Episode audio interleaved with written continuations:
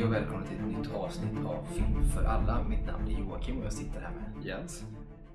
Och denna veckan ska vi prata om lite film och en serie eh, framförallt. Eh, vi kommer komma in på vilka det är så småningom, Ja. så vi inte spoilar någonting i början utan lyssna in på efter eh, helt enkelt. Vi tar vårt nyhetssvep som vi kör nu.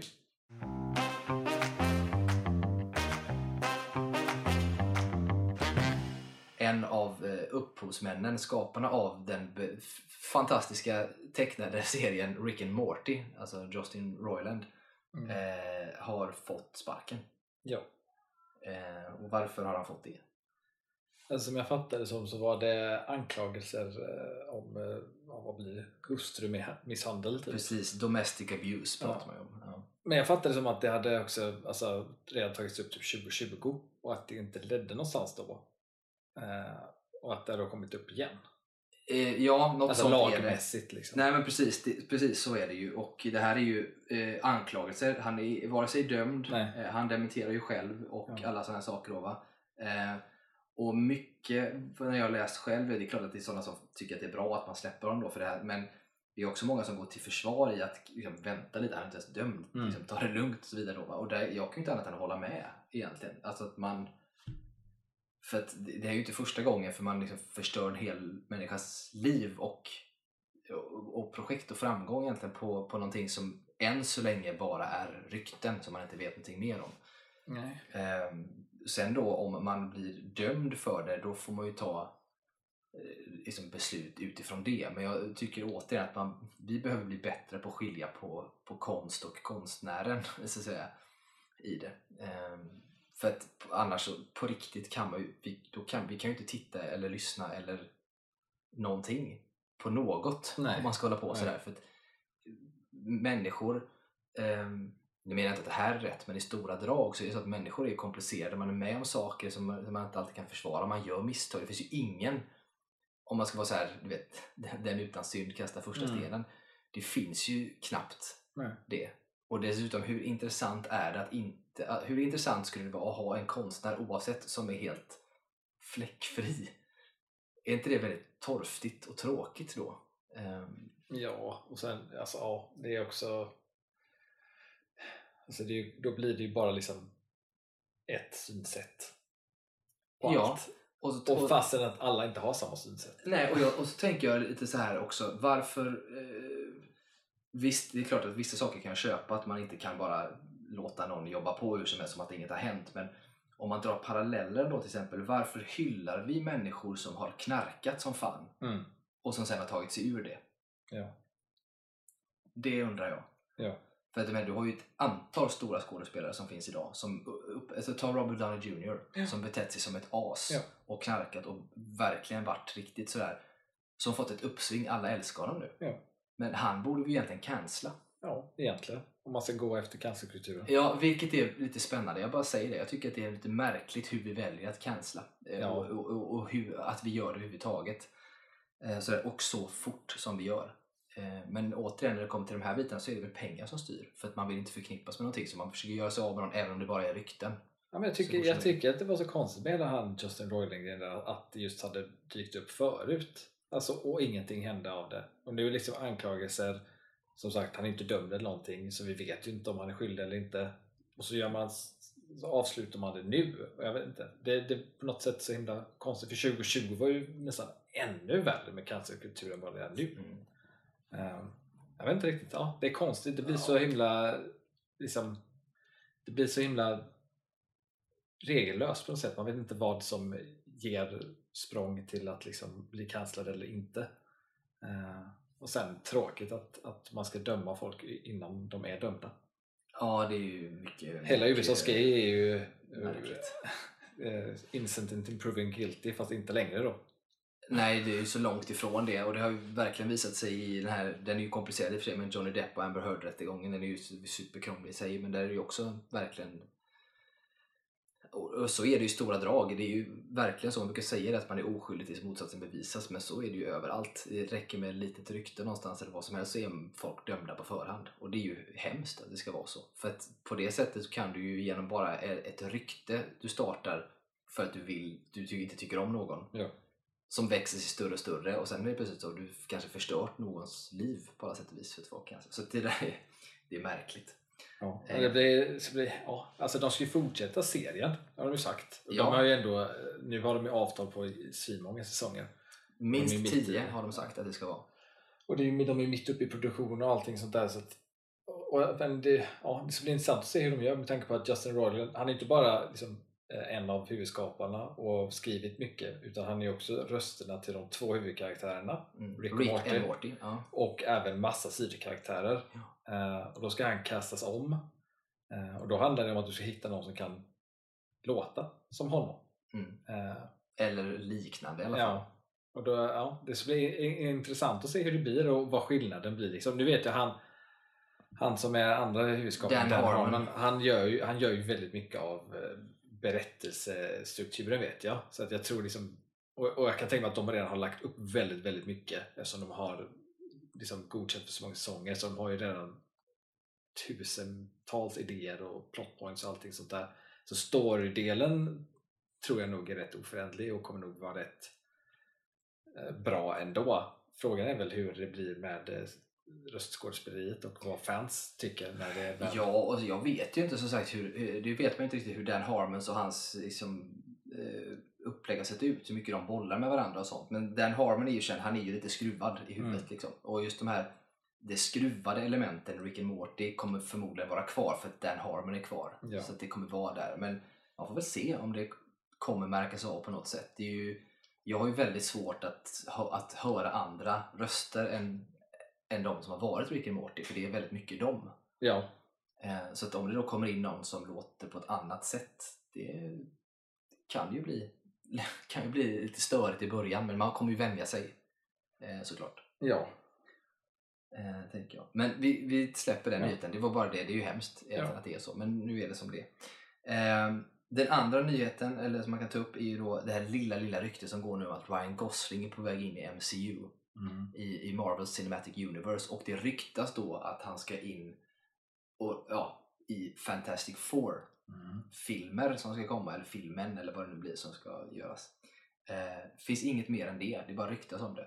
Han har just tidigare själv eh, lobbat lite grann för att han, vet Ghost Rider till exempel, Ja. att han kan tänka sig att spela det. Eh, i, i, I filmen eh, eh, A Place Among the, the Pines som han gjorde, den här, där spelar han ju en sån här motorcykelsnubbe som åker runt och är lite så här, som, som Ghost Rider är i, från början. Så här, Ja. Åker runt i sån här cirkelboll i- på en Ja, ja, moppe, liksom så här, och åker runt. en Daredevil.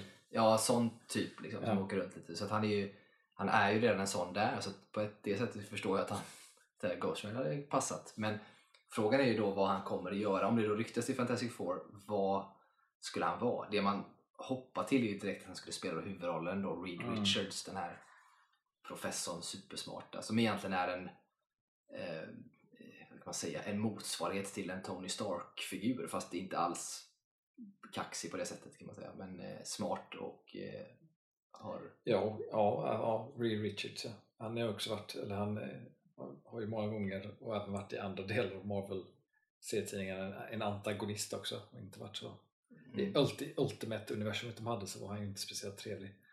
Eh, men alltså Ryan Gosling, jag skulle ju vilja se han som uh, Dr. Doom i så fall. Om jag fick, om jag fick välja en av, av dem. Om det inte är så att han ska vara någon helt annan som bara är med i filmen. Då. Men eh, om man skulle välja liksom, av de fyra och då deras mest kända antagonist, så Dr. Doom. Hade han varit yngre så hade jag ju sagt i Human Torch. Han skulle ju kunna fixa Human Torch ändå, för att menar, han ser ju inte gammal ut heller liksom.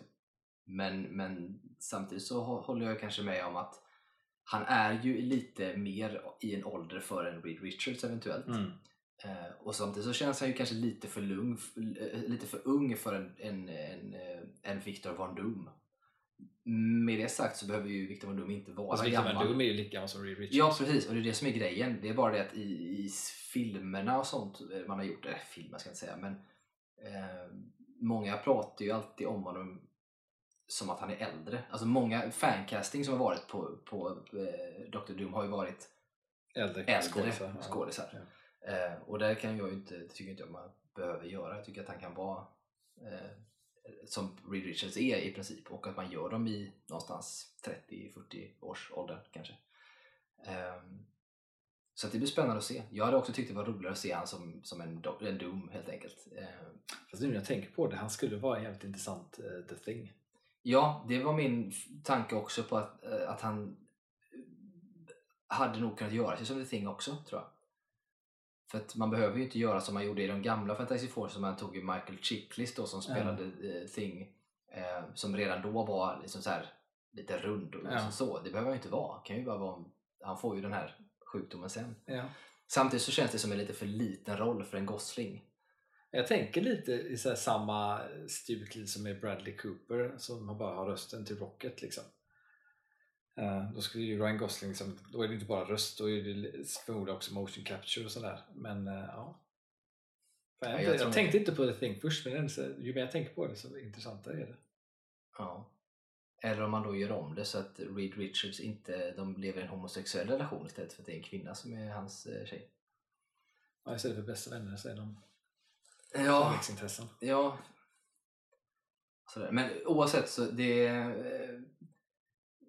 får vi se helt enkelt. Ja. Om det ens stämmer, det vet vi ju inte. Nej. Men ryktet säger att det finns någonting där. Och det absolut troligaste är att det är en Reed Richards. Det är det jag tänker. För man brukar sällan göra superförvånande liksom, när det ryktas om att det skulle vara någonting. Mm. Sen behöver det inte vara någon av dem överhuvudtaget. Han kanske ska spela typ Silver Surfer. Eller Ja, en sån sidokaraktär liksom, karaktär som kan ha stor betydelse sen men som kommer vara med i fler filmer och så vidare. Då, va? så att det kanske bara kommer vara så att han kommer göra ett första appearance i en ja. Fantastic Four-film, så man vet ju inte. Ja. Eh. Men det är spännande i alla fall. Det är lite spännande och en nyhet som, som tangerar lite grann som vi inte ska prata så mycket om är ju, eh, är ju han som spelar bad guy i första Mandalorian-säsongen. Eh, Giancarlo Esposito heter han. Men han var ju också ryktade så mycket om att han skulle, det var ju folk som trodde han skulle dyka upp som Dr. Doom i Black Panther 2. Ja, Sen har även ryktats om Xavier, eller han, han vill ju spela Xavier. Exakt, och det var det jag skulle komma till att eh, prata med om då just eh, Dr. Doom, alltså Victor von Doom i Fantastic Four som det ryktas om ett tag. Men sen har det också då att han själv och fans har börjat prata om honom som att han eventuellt skulle kunna vara en, eh, professor, alltså Xavier då, Mm. professor X i X-Men. Eh, och det hade ju inte varit fel. Där tror jag att han hade passat alldeles utmärkt att vara en, en professor Xavier. Alltså det, det kan jag se. Ja, Om man vill ta verkligen. det och göra om helt alltså så här, och kasta om. Så det han gör. Han, verkar, han, är ju, han är lite nördig. Han vill ju vara med i sådana här Star Wars och Marvel och sånt där. Så. ja, han har ju, han har ju liksom någon, någon form av eh, aura av intelligens, tycker jag. Absolut. Som skulle passa Professor X väldigt väl. Mm. Ja. Eh, Ja, han är inget dumt val det har han och jag hade gärna sett honom för att han brukar ju generellt sett spela lite skurkig. Ja. Eh, vilket är väl kul att se honom i en roll som just Professor X där han inte är skurk. Han är ju liksom snäll, väldigt snäll ska jag säga till och med. Eh, det har varit kul att se. Ja. han spelar ju till exempel i ett spel som heter Far Cry, eh, i Far Cry 6 som kom för ett, kan det, två år sedan kanske. Två, ja, något sånt, ett eller två år sedan. Mm. Eh, där spelar han också the main bad guy i princip. Eh, så det hade varit kul att se honom i en annan Mm. roll än som bad guy. Just för den sakens skull. Men det var bara en sidonot till det egentligen. Eh, den sista, man kallar det för nyhet egentligen, det är inte så mycket nyhet utan mer som en uppdatering och det är att M. Night Shyamalans nya film eh, A Knock at the Cabin som ska komma eh, har nu liksom börjat ses av kritiker Mm. och eh, liknande. Och då säger ryktet just nu, du och jag är ju ganska kritiska till M. Night Shyamalan, Ja. i alla fall sen i princip kan man säga sen ja, sen efter Unbreakable. Alltså det är så här sjätte sinnet och sen Unbreakable och sen så är resten typ skit. Med något inslag av att eh, typ eh, Men jag tyckte The Visit var helt okej. Ja, jag tycker inte den är så bra. Jag tycker om Science till exempel. Så du har ju Visit och sen så tycker jag om Science. Och sen, men sen har vi då, eh, vad heter den, Glass, alltså inte Glass utan den som kom, eh, Split. Split ja. Ja. Den är ändå Den okej. var också helt okej. Den, den är också okej, men sen så är det mycket skit resten. ja, Liksom. ja. Eh, men nu sägs det ju här att de som sett den säger att det är hans bästa film på 20 år. Ja, det borde ju vara den bästa filmen sen Sjätte sinnet då. Eller Unbreakable. Ja, något sånt. Eh, Ja, tänker Breakable man. kom väl ut typ 20... 2000, 2000 tror jag. Ja, jag tror det också det, att det är precis där. Ehm, och, så det är ju det båda ju gott. För att en bra M. Night Shyamalan med det sättet han bygger spänning på, Mm. som han ändå gör bra, sen så faller det ju alltid, men det han gör det, blir det bra så kan det bli riktigt jävla bra. Ja. Ehm, så det var kul att höra att det är Mm. så. Jag hoppas verkligen att, att det är så. Att det inte bara är en kritiker som bjuder på middag. eh, och eh, sen... Det tror jag inte. Jag tror faktiskt inte det. Om, det, om folk tycker, verkar tycka att den är bra så tycker de nog faktiskt det. För att det, det känns som folk alltid tycker om att eh, snacka skit om honom. Och det som också är kul är att vi pratar, vi pratar om Dave Bautista som vill slå igenom i en annan karriär och spela Ja. med dramatiska roller. Och det sägs att han är nästan till briljant i den här rollen i filmen. Vilket också är väldigt roligt. Ja, det är kul. Eh, Så att nu håller man ju bara tummarna för Ja, att eh, verkligen. den kommer vara så pass bra som de säger att den är helt Mm. enkelt. Det var veckans nyhetssvep. Yes. Vi hoppar eh, osökt och fort in på dagens ämne. Ja, och idag så har vi då eh, egentligen eh, tre filmer och en serie som vi ska diskutera. Eh, Ja. Och jag tänker att eh, vi först och främst kanske tar avstamp i, i det som eh, tänker vi pratar hyfsat kort om i alla fall, tänker jag, inte gå så ingående. Och det är ju serien Willow då, som Mm. vi börjar med. Eh, där vi båda från början, vi nämnde den innan, att den började bra. Den var väldigt liksom, fin och Mm. liksom, klassisk fantasy och sådär. Nu har ju hela säsongen kommit. Vi har Mm. sett alltihop och sådär. Och vad är då dina intryck egentligen? Eh, Först tänkte jag bara, för jag såg, så, såg du serien vecka för vecka? Eh, ja, men eventuellt att jag hade missade en gång så att jag såg typ två. Okay. På För, jag, för jag lyckades vänta och så såg jag resten. Jag såg de två första avsnitten, sen såg jag resten i ett svep. Eh, Kan vara bättre att göra så. Mm. Eh, men det, eh, det, det liksom jag tänkte efter jag hade sett den var att, att, att, att på något sätt den lovade lite för mycket i början. Alltså att det, det kändes som att den skulle vara bättre än vad, än vad slutprodukten blev. Eh, sen kan jag inte riktigt sätta fingret på vad det var jag inte tyckte var så bra. Eh, men jag tror att det, det, det var lite som att den, den segade ner sig lite grann mot typ avsnitt 5-6 typ och blev lite stillastående liksom. Så att jag tror nog åtta avsnitt var nog lite för långt. Det hade nog varit bättre om det var sex avsnitt i den här, för den här berättelsen tror jag. Ja, eller att det bara hade varit bättre Ja. i åtta avsnitt. Eh, sen var det lite så här, det, det var lite som, så som det blev i slutet. På något sätt så tycker jag, jag vet inte jag om de ens pratar om att göra en uppföljare eller inte, men den är ju öppen för en säsong två. Men jag tycker att den slutade på ett sätt som gjorde att att det kändes som att det var där serien skulle börjat. På något sätt. Att, Mm. att eh, det som hände i första säsongen på något sätt var det som man egentligen då skulle på något sätt haft en form av prolog typ eller någonting eh, för en säsong som skulle komma typ för att det var på något sätt den slutade när den slutade så var jag så här, nu vill jag ju se nu vill jag se Willow serien jag vet inte riktigt vad det var som gjorde det riktigt så på det sättet men eh, ja, jag tyckte det, det tog lite för lång tid för hur, oh, vad hette hon nu igen? Hon som är den utvalde jag är Laura Dern. Ja, det tog liksom lite för lång tid för henne att bli det på något sätt.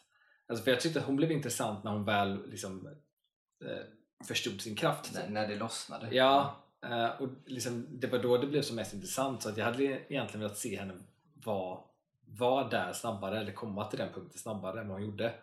Eh, och sen även hela den här grejen, för jag trodde ju på något sätt hela Willows, den här uh, synen han har hela tiden till det här eh, när han vaknade upp på, liksom, bland massa döda. Jag tänkte ju att på något sätt det skulle vara kopplat till säsongsavslutningen liksom. Men det visar sig ju inte vara kopplat alls överhuvudtaget till säsongsavslutningen. Nej, man Eh. blir ju lurad i det för jag tänkte ju också att det här på något sätt skulle svepa över för man ser ju den, vad är det första eller andra avsnittet ser man det första gången Mm. när han har den där drömmen och ser massa döda och det har hänt massa skit och det här är typ en framtidsvision. Ja. Eh, men det är det ju inte. Nej, för Då, det, det, det kändes ju som att det liksom var en uppbyggnad av att Will, Willow försöker hindra detta. Liksom, han försöker hindra det han har sett på något sätt. Tyckte jag det, det liksom lades upp för. Men det är inte det det handlar om i slutändan. Eh, för det slutar ju ändå med att, att det förmodligen ska gå åt det hållet ändå. Eh, Ja, det, det riktas ju fortfarande som att det, det är endgamet på något sätt som det kommer vara. Ja. Sen om det är i, i säsong 2 eller om det är säsong 11, det Ja. vet vi ju inte. och jag tyckte att det, det, det, det borde ha varit i säsong 1. Kan jag tycka. Eh, Ja. Är det en konsekvens av att man vill mjölka på det? Det känns lite som det. Ja, för det känns som att jag håller med i väldigt stora delar. Ska jag säga. För det känns som att eh, man kan ha ett högre tempo eh, och man kan, ha, man kan ha så mycket mer av mycket saker. Eh, och samtidigt kan du fortfarande, du kan fortfarande ha säsonger. Det är bara Ja. det att du kan ju bestämma dig för att men då gör vi, satsar på att ha fyra säsonger säger vi och då kan man ha ett högre tempo. Men nu känns det som att de mjölkar för att de tänker att typ att det ska kunna bli så här 11 säsonger eller någonting. Jag vet inte riktigt hur tankarna går bakom på något sätt. Och, Men det är lite också jag tänkte på för att det är lite så att de, de, de vill skapa liksom eh, vad ska man säga? De vill skapa bakgrund och liksom tro, troliga aktioner för karaktärerna. Eh, Men att jag tycker de gör lite för mycket. För jag tyckte nästan, alltså, i de två första avsnitten så var jag liksom med på att vad jag tyckte att, liksom, att deras val de gör kändes logiskt med karaktären. Eh, sen var det som att de fortsatte bara liksom lägga liksom bitar in i så här, ja, den här karaktären är på det här sättet och så fortsätter man bara så här, typ som att de försöker påminna en hela tiden så här, ja men den här karaktären är ju så här. Kommer ni ihåg det? Att den här karaktären är sån här typ av karaktär. Det var så hela tiden istället för att liksom ge en en, en, liksom en, en utveckling under scenen. Det var som att alla karaktärerna fick sin sista utveckling i sista avsnittet.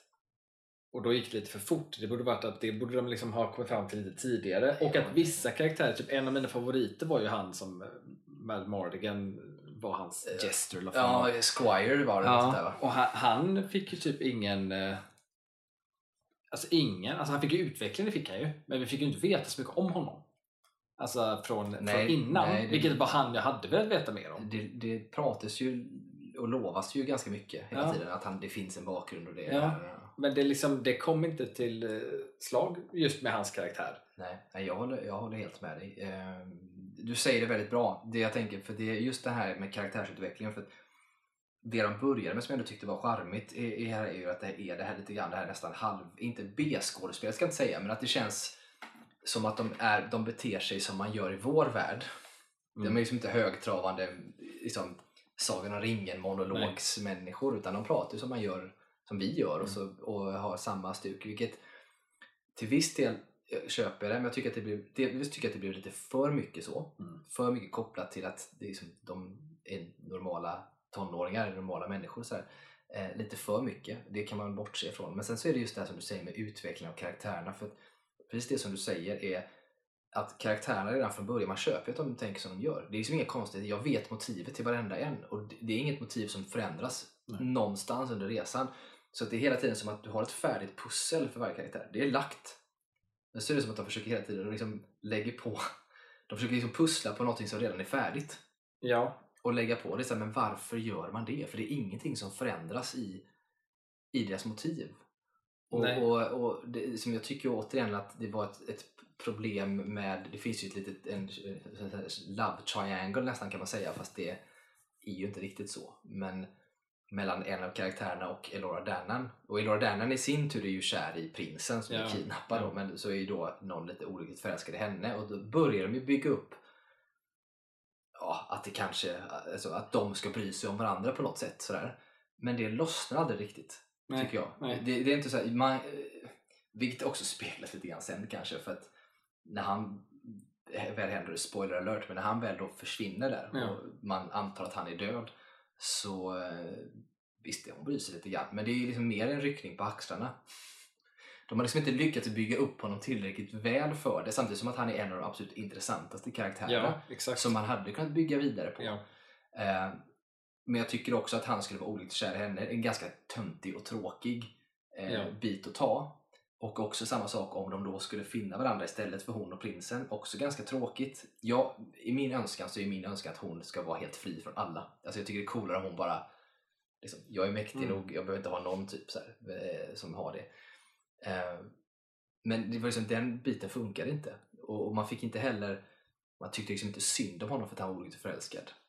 Och så där. Sen så är det som att Laura Dern, hon är ute efter att rädda sin älskade. Men det är också ett sånt här fokus som sen försvinner. Som, som jag tror hade behövts för att få det att kännas mer mänskligt. Och mer känslomässigt i det. För jag tycker att jag, jag, hade, jag hade ingen sån här eh, rysning eller sån här att jag hejade på dem. Eller vet, så där, utan det var mest bara ja, ja. Och för den gick ifrån att lova mycket och vara snygg och vet, lägga upp att man skulle få se en sån här epic journey på allt sätt till att det blev mer och mer kändes som att de var inne i den här the volume igen. Ja, det kändes mindre och mindre ju och, längre och det blev mindre och kom. mindre trots att de åkte till, till egentligen större platser till viss del. Men Ja. Det blev också mindre och mindre och det är också mycket det är många platser som är rent är, liksom är döda.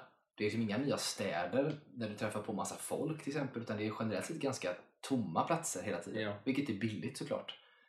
Men det gör ju att man får ingen känsla av det och de utforskar inte låren på det sättet som man hade velat göra. Eller, ja, det är mycket sådana saker och så, så sker vändningar fort. Slutet är jättekonstigt för det händer så mycket med alla på en gång fast ganska tråkiga saker egentligen. Och, eh, och inte speciellt svåra heller. Och Willow tycker jag är så här, han vacklar från att vara den han är och vara liksom cool. Sen, sen så gör han vändningar som att han är plötsligt inte, han vill inte vara där, han ska göra någonting annat. Och sen tillbaka igen. Alltså, jag, honom förstår jag inte alls i hans utveckling. Jag tycker de förklarar det för dåligt. Jag, eller jag kan förstå det med, med att anstränga mig, men jag hänger inte med. Så jag tycker att de gjorde en del misstag i den. Så den har, den har verkligen tappats från de första två avsnitten och framåt. Ja, alltså det är lite som typ två, så här, två karaktärer som jag tänkte på som var så här alltså eh, försök att typ eh, utveckla deras motivation. Ehm, för mig liksom dramaturgiskt funkar det inte riktigt. Eh, och det, dels var det då med Laura när hon träffar de här eh, två kvinnorna som är i stugan Ja, i stugan. som, som då dör. Mm. Och det är ju så här, det är ju någonting de skriver in för att man vill ge henne liksom en, en motivation att hon ska se liksom vad som händer om hon inte tar ansvar för sin kraft, liksom, att Mm. folk råkar illa ut. Problemet är bara att som, som tittare så bryr man sig inte om de två kvinnorna för vi har inte träffat dem förut. Eh, Så egentligen borde ju då det varit någon i gruppen som dött som, som gav henne den motivationen. Det hade ju gett mer. Alternativt, att, det tar ju lite längre tid, men alternativt är att man har haft mer flashbacks till Elora Dana själv när hon var yngre och bandet hon hade med sin eventuellt som uppfostrar henne. Så Ja. det finns en koppling till det och de här kvinnorna, att de påminner om något Ja. sätt. Men det, det tar ju tid att göra det Ja, också. så att hela den, hela den liksom grejen tyckte jag blev onödig. Eh, och sen så var det med, nu kommer jag inte ihåg vad hon heter, men hon som är liksom, en, en riddare, hon som är beskyddare för För prinsessan. prinsessan. Liksom, Ja, ja. Eh, när de liksom ger hennes bakgrund med hela den här, eh, ja, vad de nu var, med döds, dödsskallegänget. om man ska kalla dem. några former av vildingar. Ja. Banditer. Ett Robin Hood-gäng. Ja, att hon, man, ger, man bygger upp det till att det ska vara ett stopp i, för liksom hela vägen. Att det ska vara ett stopp för henne i hennes identitet, det ska vara ett stopp för gruppen, det ska vara ett, ett hot mot hela liksom, kampanjen egentligen. Men det, det blir det ju inte överhuvudtaget för att det bara blir att hon accepterar vem hon är och så är hon som hon alltid varit och hon fortsätter som hon gör. Och då blir det också så här, hela det avsnittet var så här, vad var poängen? Egentligen. Nej, det, För att hon är exakt densamma. Ja, och det kan man på riktigt, och det är hemskt att säga, men det kan man tänka på varenda avsnitt. För att de har avstickare hela tiden. De har ju ett där, där han, den här som försvinner sen då, trollkarlen, liksom förstår, eller han som eventuellt är lite trollkarlig. Mm. Eh, när han då visar sig vara besatt av en demon och det har hänt tidigare. Och då tänker man det hände honom där. Du har ett avsnitt med den här krigarstubben som vi båda gillar där, där hans story drivs på något sätt i och med att han träffar en, en gammal kompis och ett, har gått i ett fängelse han har rymt ifrån. Ja. Och de här bitarna. Du har ett avsnitt med henne och med honom till viss del där hon då träffar på sin syster i de här vilding eh, Ja. rövargänget. Eh, och du har alla avsnitt som, som tangerar allas stories. Problemet är att, som vi säger, som du säger då, att det ger ingenting för karaktärsutveckling. Det, det, det är helt onödigt att ha med dem för det, Ja. det påverkar inte karaktärens vare sig motiv eller personlighet. Nej. Ingenting, vilket är väldigt underligt för då är det i princip det som man brukar kalla för filler. Ja. i serievärlden. Det vill säga att du gör avsnitt som bara fyller ut för att du ska liksom Ja, du har 12 avsnitt men du har en story som kanske bara är för 8 och då har du liksom avsnitt som ja, bara utfyllnad i princip. Och här är det ju så här avsnitt 1 och avsnitt 8 kan du köra. Resten är liksom, gör ingenting. Nej. Vilket är sjukt om man tänker efter hur störigt det är. Eh. Ja, ja det, är lite, det är lite tråkigt att det, att det liksom blev så på det sättet. Det var lite, den enda karaktären egentligen jag tycker som, som i slutändan ändå som, som jag tycker ändå att de, de gjorde en sak som det, bara, det var lite trögt att, komma till punkt. Men det var ju hon då som är prinsessa eller dottern då till Mm. mm. Mad Mardigan och det. Det är det, för hon, hon är ju rätt störig och envis liksom hela tiden. Mm. Sen tycker jag att jag tyckte ändå den här scenen med att hon hör sin pappa där och vill in där Mm. och blir stoppad, det tycker jag var bra. Det gav henne frustration. Eh, och att det hade också en konsekvens av att hon nästan dog på grund av att hon ville det liksom, det, de hamnade i en situation på grund av det. Eh, och jag tycker också att det gav henne motivation till att vi då förstår vikten av Elora. Liksom. Eh, så, så det tycker jag ändå att i slutet att att just hennes karaktär funkar och att hon, för hon är också hon är lite annorlunda mot i slutet, sista avsnittet. Hon är lite mer hon är, hon är inte riktigt lika envis och störig på det sättet längre. Nej, och hon får ju också en acceptans. Hon och Elora finner ju varandra Ja, exakt. eh, i någon form av vänskap där till slut. Men problemet med det är att även när de fann varandra, jag tyckte att det var fint att de gjorde det för det var ändå bra, men återigen, för att man inte har utvecklat det tillräckligt väl egentligen så känner man inte riktigt den här yes-känslan som man Nej. vill få när det, när det kommer till att åh, de kommer överens, det fan vad gött. Utan det är mest så här ja. Ehm, som sagt, så det ty- tycker jag är lite synd. Och det är samma sak, jag tycker också att den här prinsen som vi kidnappade är en av de intressantaste karaktärerna också, som man kan göra mycket mer med. Och de började göra det rätt bra. Ja. I och med att han faktiskt inte, som man tänker sig, att han direkt skulle bli typ hjärntvättad och bara liksom falla offer för vad det Men han har ju ändå stått emot och varit där. Och det tycker jag var intressant för att Ja. det är mycket mer intressant. Man blir mer nyfiken på när någon står emot på något sätt. Och vad konsekvensen skulle bli då. Men sen så ger han ju till slut efter i alla fall. Och det var ju också lite synd och lite väl snabbt. Så Det var också att jag tyckte egentligen att hans berättelse kom fel tid. Alltså, vi borde eh, fått bli introducerade till vad han är med om där tidigt. Jättetidigt. För då hade det lagt en spänning över kommer de hinna i tid? Ja, det borde man få mycket tidigare och för att det här med att ett, hinna i tid och två, förstå hur länge och hur jobbigt det är. Ja. För att nu träffar man på honom rätt sent och han har det ju inte superjobbigt liksom. Helt plötsligt så bara vänder det så är, är han desperat och gör allt. För att, men det är så här, var kommer det ifrån? Han har ju stått emot innan då. Ja. Ehm, alltså det är vissa sådana så, saker som är tempo, alltså problem och, och problem med hur man väljer att bygga upp det och sånt helt klart tycker jag. Ehm, så att nej, den var inte så bra som de två första avsnitten Nej. lovade tyvärr. Tyvärr. Men eh, man får väl som sagt se hur en eventuellt säsong två blir. Ehm, för det kan ju vara eh, det kan ju vara så Jag skulle vara mer intresserad av säsong två. Alltså så som den slutade. Ja, för att nu har de ju då gjort det här tröga och ganska, på ett ganska dåligt sätt men ändå Ja. satt karaktärerna och satt, satt som det är. För det är lite grann så här att de hade kunnat göra de här, hela den här säsongen hade du kunnat förklara och göra på två avsnitt. Ja. Och sen hade du kunnat starta det man faktiskt vill se. Ja. Men nu blir ju säsong två det man faktiskt vill se. Ja. Och då hoppas man ju att de kanske gör det större. När de ser, förhoppningsvis har de kanske, har de kanske gått relativt bra och så tänker de att de kan lägga lite mer pengar på det kanske och så blir den kanske större och lite mer. Ja. Jag vet inte. Eh, så att med en liten, liten besvikenhet får man ändå eh, ha den. ja, tyvärr. Och jag har kommit på så här nu, vi ska inte sätta, vi kör inte en skala 1 till 5 längre Okej. utan vi kör till 10 istället för den är enklare. Eh, Då kan man sätta lite med, utan att köra halvor.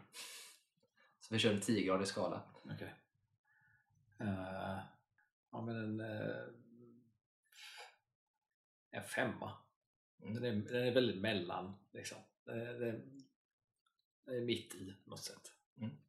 Bra, jag sätter också en femma. Det är min, eh, min åsikt också. Det är en, det är en mellanmjölkserie. Den går att titta på Mm. eh, men har sina... Liksom, den är inte briljant på något sätt. Nej. Men den är inte heller katastrof. Heller, Nej, liksom. Bra, kul. Eh, då går vi över på, på film. Yes. egentligen. Och vilken film vill du börja med? Vi har tre stycken vi ska ta upp idag. Det är The Banshees of Inisherin, det är The Fablemans och det är The Menu. Vilken vill du starta med? Eh, the Menu. Mm. Då börjar vi med The Menu.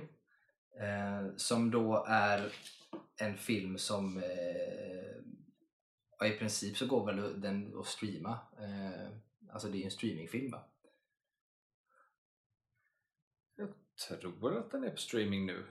Men Jag var ju på bio under hösten. Ja men precis för att jag, jag har Jag för har för mig jag såg någon reklam för att den streamas nu. Ja, jag för mig det i alla fall. Ehm, men den är ju då eh, en, vad ska man kalla det? Det är en, en alltså den räknas ju också in på Golden Globes då till exempel som en komedi. Ja. Eh, vilket den kanske är. Det är en väldigt mörk komedi. Ehm, Ja, det är svart, svart komedi. Fast, alltså, att den är inte så det- komisk. alltså, är, nej men det är det som är, alltså typ Alltså plotlinen och typ manuset i sig är ju en komedi och strukturen är en komedi. Men den är inte spelad som en komedi. Nej. Karaktärerna är liksom, för i komedier så är ofta karaktärerna liksom upphöjda och så, så, nästan som att man liksom man säger publiken att vi alla vet att det här är en komedi, det här ska vara kul. Men här är det lite mer som att karaktärerna är på riktigt. Och att scenariot är absurt men att man, man lutar sig inte in i att det är absurt som man hade gjort i en traditionell komedi. Eh, därför så blir den lite, den blir speciell på det sättet tycker jag. Och gjorde den bättre. Det hade inte varit lika bra om den hade varit bara liksom en haha-komedi. Nej, så är det ju. Och den är ju, den är ju verkligen inte rolig. Den är ju, den är ju absurd. Alltså den, den tillhör ju, eh, så säga, om man ska ta något sånt så tillhör den en form av konstnärlig riktning som man kan räkna till någon form av absurdism. Ja. Eh, man kanske kan tangera det med någon form av dadaism också, men den är ju i, en absurdistisk mening en komedi. Just för att den är så jävla skruvad. Eh, men den är ju också lite grann ändå frammålad som en till viss del så är det ju, den är ju skräck fast det är ju inga jump scares.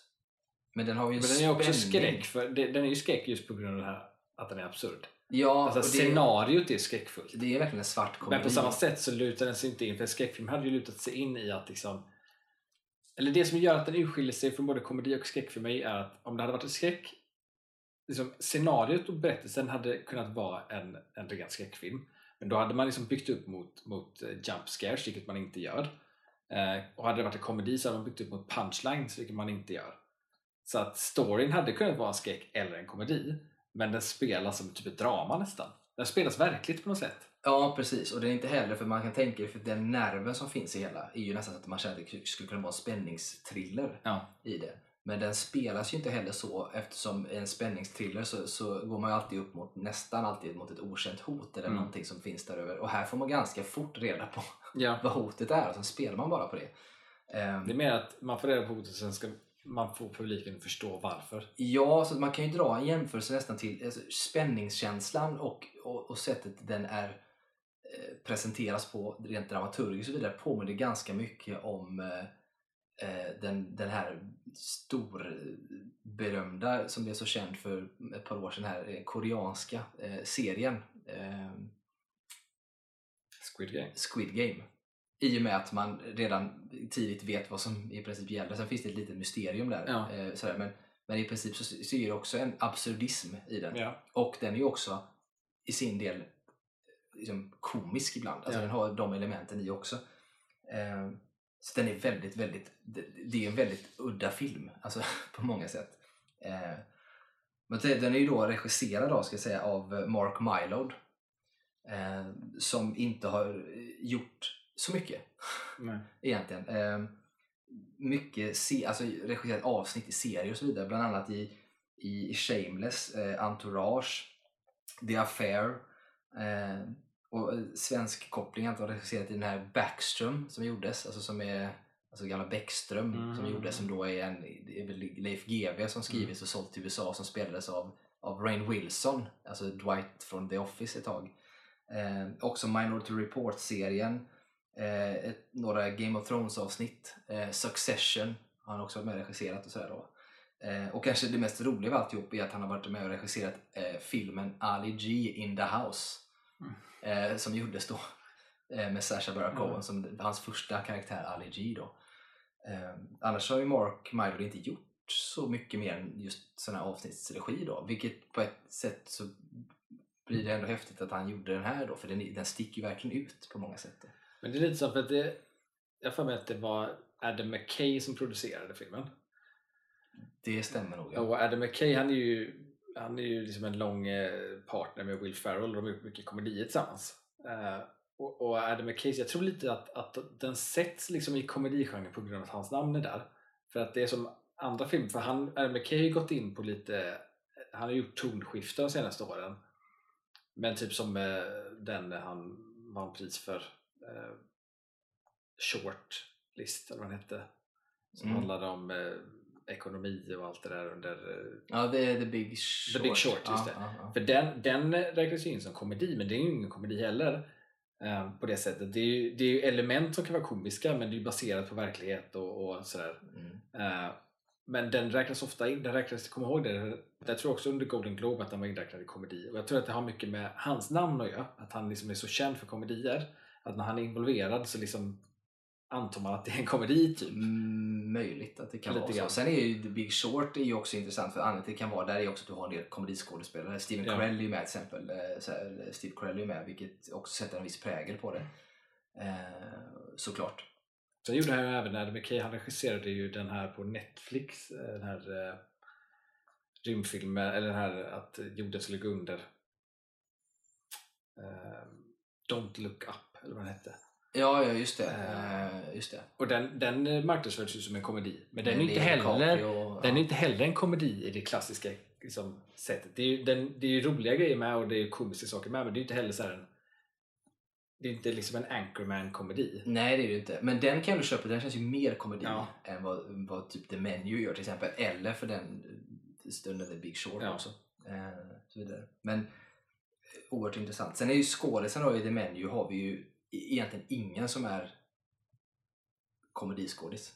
Det, det, alltså det, är- det är ju ett antal skådisar, men de som spelar de stora rollerna kan man säga, det är ju Nicholas Holt Mm. eh, som spelar med och så är det Anya Taylor-Joy och så har vi eh, Ray Fiennes. Mm.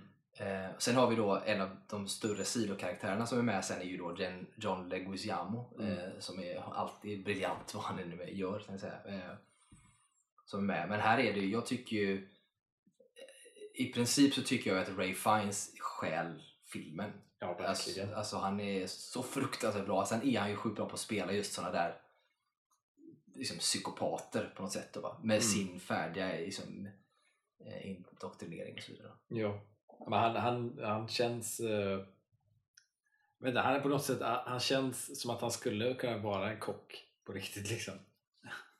Ja, och eh, stöd i huvudet. Det känns som kockar ofta behöver vara lite större kanske. Uh, tänk på den pressen de har.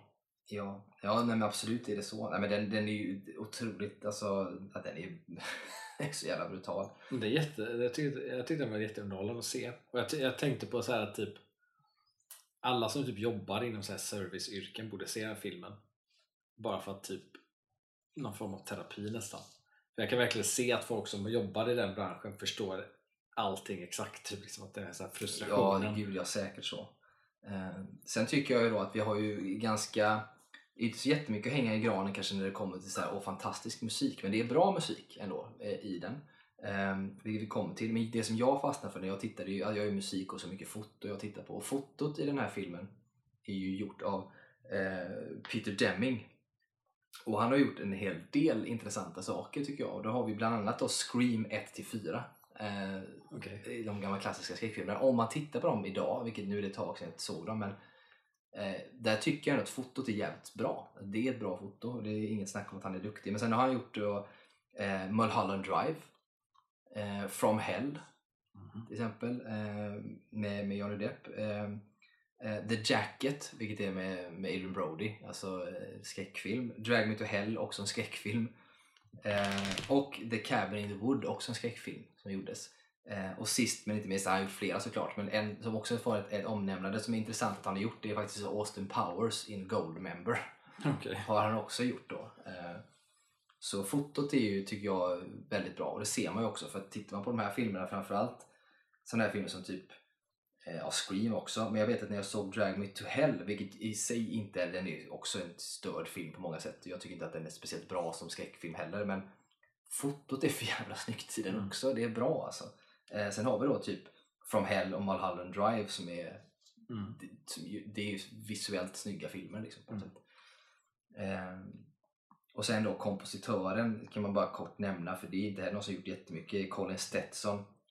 Och han har gjort lite till eh, framförallt också gjort ganska mycket eh, så, ja, liksom så här, musik, så här, enskilda stycken till saker och ting. Mm. Han har bland annat varit med och eh, gjort ett par låtar, eller pa- par sådana i till exempel 12 years a slave. 12 years a Mm. slave är ju egentligen kompositör, det är ju Hans Zimmer som gör musiken men han är liksom inne och gör liksom enskilda saker där i. Okej. Eh, och även då eh, The Rover som är en film med Robert Pattinson som är en sån här postapokalyptisk eh, variant som kom ut för några år sedan. Flög lite under radarn. Eh, och sen även Electric Dreams som är en Amazon-produktion tror jag som han har gjort ett Mm. avsnitt av och sådär. Så han har liksom inte gjort så mycket men musiken det är ändå, ändå bra. Han kanske får ett större genomslag också då. Men framförallt så, så tycker jag ändå att fotot är jävligt snyggt. Men eh, nej, den, är, den, är, den är bra. Den är sevärd helt klart. Ja, verkligen. Eh, det är ju på ett sätt så är det inte, jag vet inte riktigt vilket humör man behöver vara på för att se den. Alltså egentligen är inget humör. Kanske inte bra om man har jättemycket ångest i och för sig. Nej, alltså jag tyckte eh, alltså att eh, att det var skönt med en film som bara är en film på något sätt. Det var liksom ett, så här, ett enkelt koncept. Liksom. Läste ju att eh, manusförfattaren kom ju på det för att han var på någon sån här fi, fin restaurang och insåg att han typ var fast där typ på någon ö och var så här, oh shit.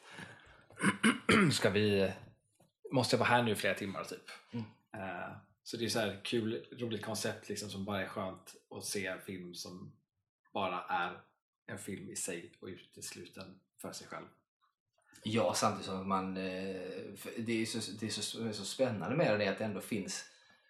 Trots att man får reda på alltså, vad själva premissen är ganska tidigt och att då tänker man att det borde kunna gå att göra någonting åt det eller vad som helst så finns det ändå en, en ton hela tiden som säger att det, det är inte så lätt. Det finns liksom en, någonting man hela tiden kan ifrågasätta varför. Och så här, men då är det delvis så tänker som du sa med servicepersonal som kanske kan förstå hur viktig en headchef är på en Mm. restaurang eller när du är ett stort namn inom branschen.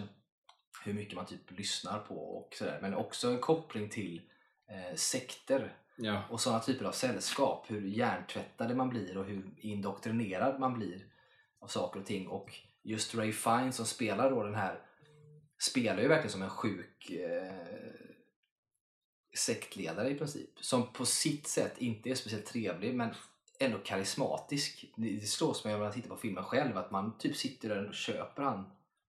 Som ja, ja, varför inte? När han förklarar Ja, ja, ja. för då. Anya Taylor-Joy till exempel alltihop bakom så blir man ändå så här ja.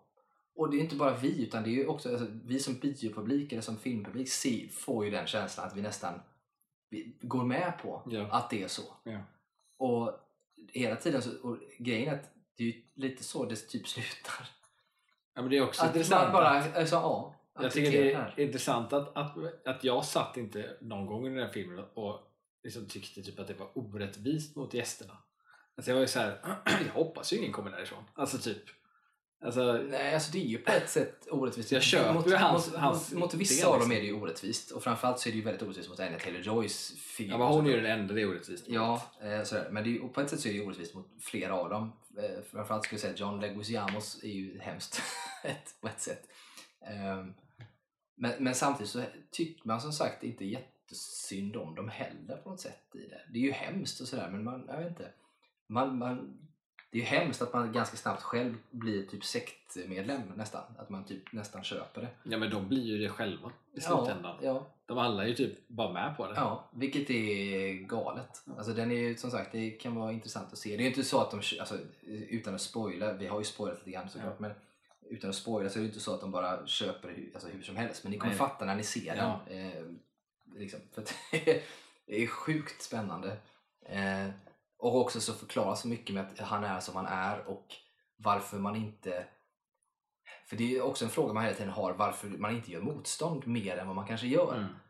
Och, och det tänker man att när man ser det, det är nog inte så jävla lätt. Alltså, det, det, är, så, det är så, lite förvirrat tillstånd och samtidigt en en så berömd människa som står där och som är på sitt sätt. Så den är, ja, den är... Jag gillar ju den lilla referensen till eh, Gordon Ramsay de hade. När han eh, säger You donkey Ja, till en. precis. Eh, den, Tycker jag är, var den, den är bra. Sen är ju, eh, som förvisso inte har en jättestor roll heller, Nicholas Holt som är bra, men han, hans karaktär är den, är den mest obehagliga. Men hans karaktär var sån här, alltså en, en, liksom, en bit in i filmen du vet, när man började introducera sig på vad fan de gör där på riktigt. Ja. Jag var så här, för alla andra fattade jag så här, okej det- det är därför han är mot dem så. Men han var så det, det, var, det tog sån tid innan de förklarade honom. Mm. Men när de väl förklarade så var jag så jaha det är därför han gör som han gör. För jag fattade inte för han bara fortsätter sitta där och käka liksom. Men jag bara så här, hur fan kan han vara så här inne Ja, alltså det, för man får ju, ja, det som man, man luras ju, det är det som är så briljant. Men han är den, helt klart, även om Ray Fiennes är obehaglig så är han den mest obehagliga ska jag Ja. säga av allihopa. Ehm, för där är det ju att han är en sån jävla foodie, han älskar mat och älskar, tycker Ja. allt är briljant och så vidare. Så det man tänker på när alla hemskheter händer runt omkring och alla sitter och är chockade och sånt och han fortsätter att äta som ingenting. Då tänker jag ju bara att han bryr sig bara om maten. Exakt, det var ju det man tänkte Och först. för att de presenterar honom på det sättet, Ja, som att han typ exakt. är helt, helt inne i mat. Alltså det finns inget som skulle kunna avbryta honom i det här njutandet. Ehm, och det här liksom hedonistiska som finns i det. Men sen får man ytterligare. Liksom, nyanser på det sen, vilket gör att man förstår ännu mer av det. Och sen så tycker jag också att det är så briljant. Eh, alltså hans karaktärsutveckling från början till slut eh, är tycker jag briljant. Utan att spoila vad som händer Ja. så är det fortfarande så jävla bra. Alltså hela scenen i köket med honom. Det är jobbig. Ja, det är så jävligt jobbig. Alltså jag var bara så här, fan alltså. Det var typ, typ led när jag såg den. Ja, eh, verkligen så. Och så Hemskt. tänkte jag också samtidigt att nej, eh, han får fan ta det. Ja, alltså för att exakt. man, man Ja. gillar honom inte heller så, så man bara fuck it. Eh, så att nej, nej, sjukt bra film. Eh, vi ska gå vidare till nästa film egentligen, men vi sätter snabb rating då, 1 till 10. Vad säger du på filmen egentligen? Eh, åtta. Mm. Ja, det är nog ganska rimligt. Jag tänker nog 8, det tycker jag fan det är starkt. Alltså. För att på en 1 till 5 skala så är jag nämligen så här, då kan jag sätta 5 på vissa filmer. Så här, så det, för det är så svårt att sätta. Men på en 10-gradig skala så då, har jag nog väldigt få som hamnar på 10. Ehm, utan där blir nästan så att den högsta för mig är typ 9. 10 är briljant på något sätt. Så jag tänker jag var också inne på 8 men jag säger nog en 7 ändå. Tror jag. Mm. Och det är vissa element som kanske kunde gjort så, men en sjua. Ja, jag säger en sjua. Mm. Eh, bra. Yes. Vilken tar vi näst? Eh, Banshees. Mm. Banshees of Inisherin, eh, regisserad av Martin McDonough. Eh, som då bland annat har gjort eh, In Bruges.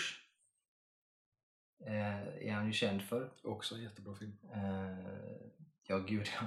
Får man ju ändå säga att det är. Eh, jag skulle också säga att det är inte bland mina favoriter. Så här. Eller favoriter, han har inte gjort så många. Men eh, Martin McDonough har i alla fall eh, regisserat den. Han har gjort In Bruges.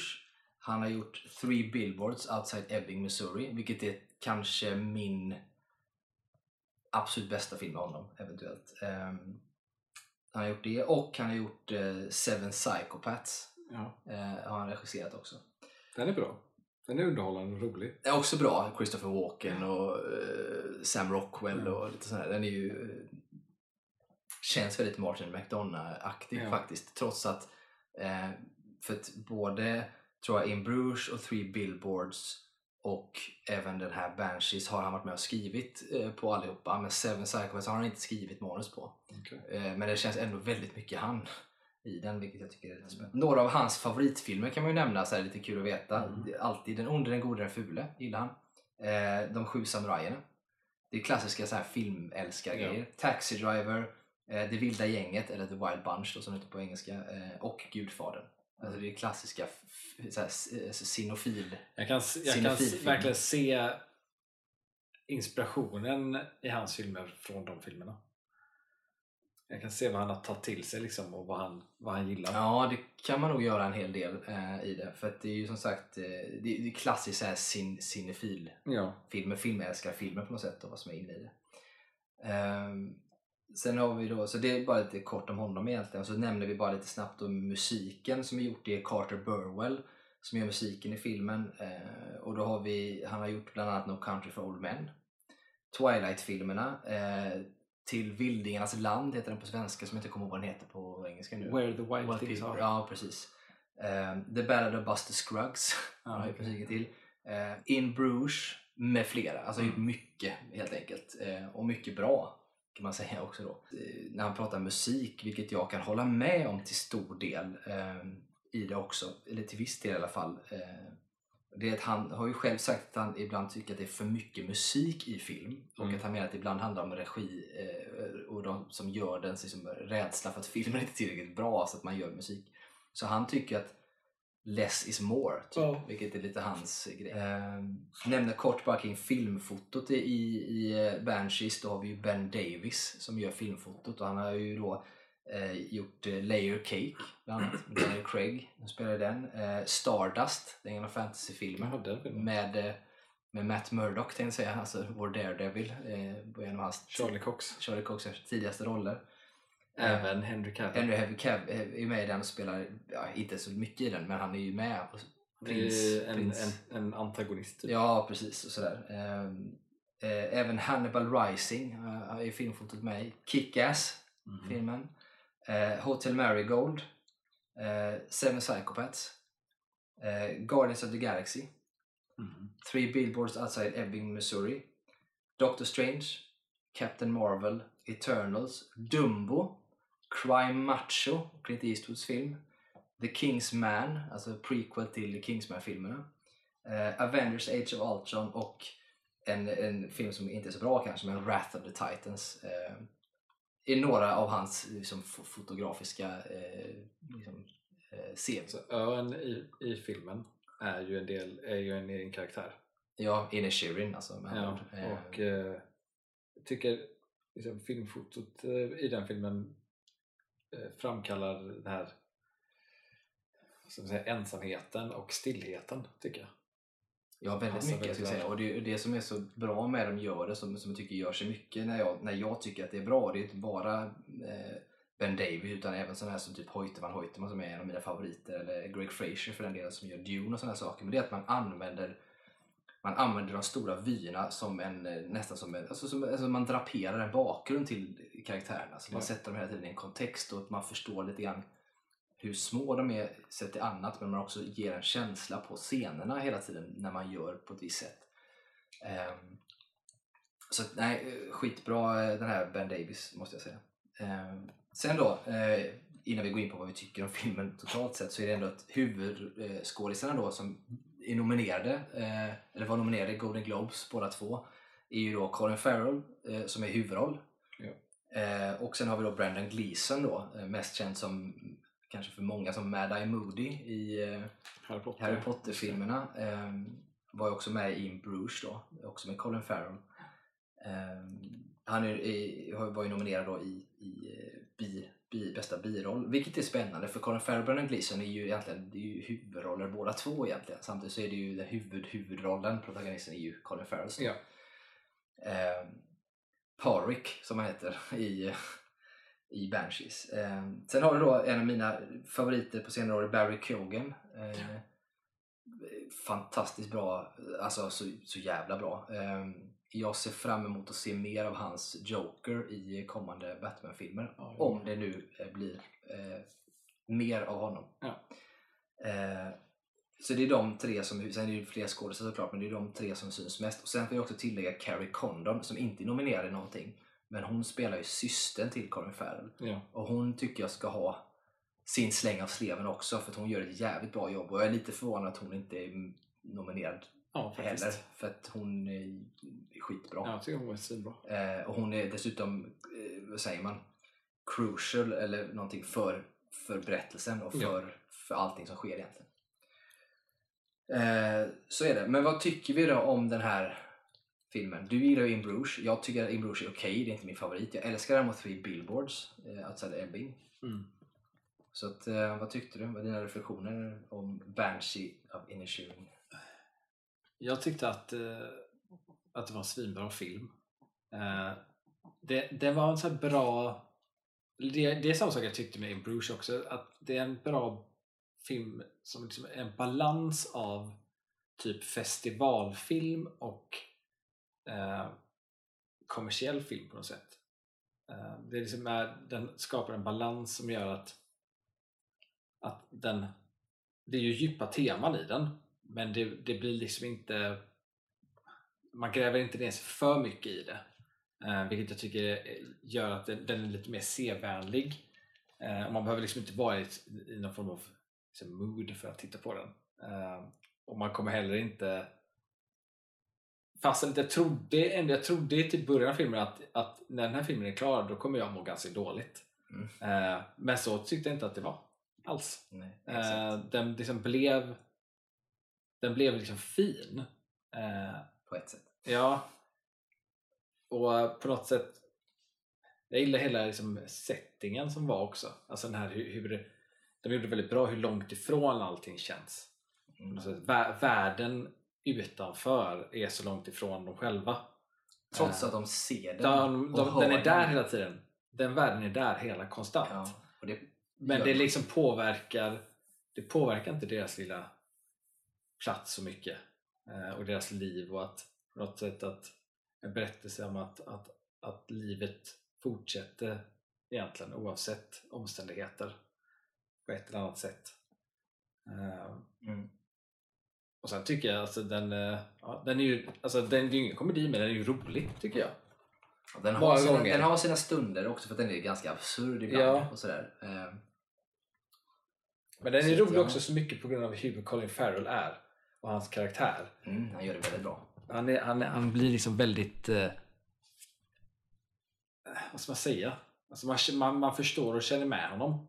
Eh, samt som att han är ju som de nämner ibland att han är lite korkad. Inte den smartaste på ön. Lite dim. Eh, Fast han är ju också, han är inte heller helt jättedum. Nej, alltså, det är man, inte. det är lite grann så att man tycker ju ändå att det är lite orättvist mot honom. Ja, det är det. Det som händer. Vilket i princip alla tycker. Han också, har lite av en... Han, han, på något sätt, han har så här en... Han, han är liksom vis och naiv på samma sätt, eller på samma gång.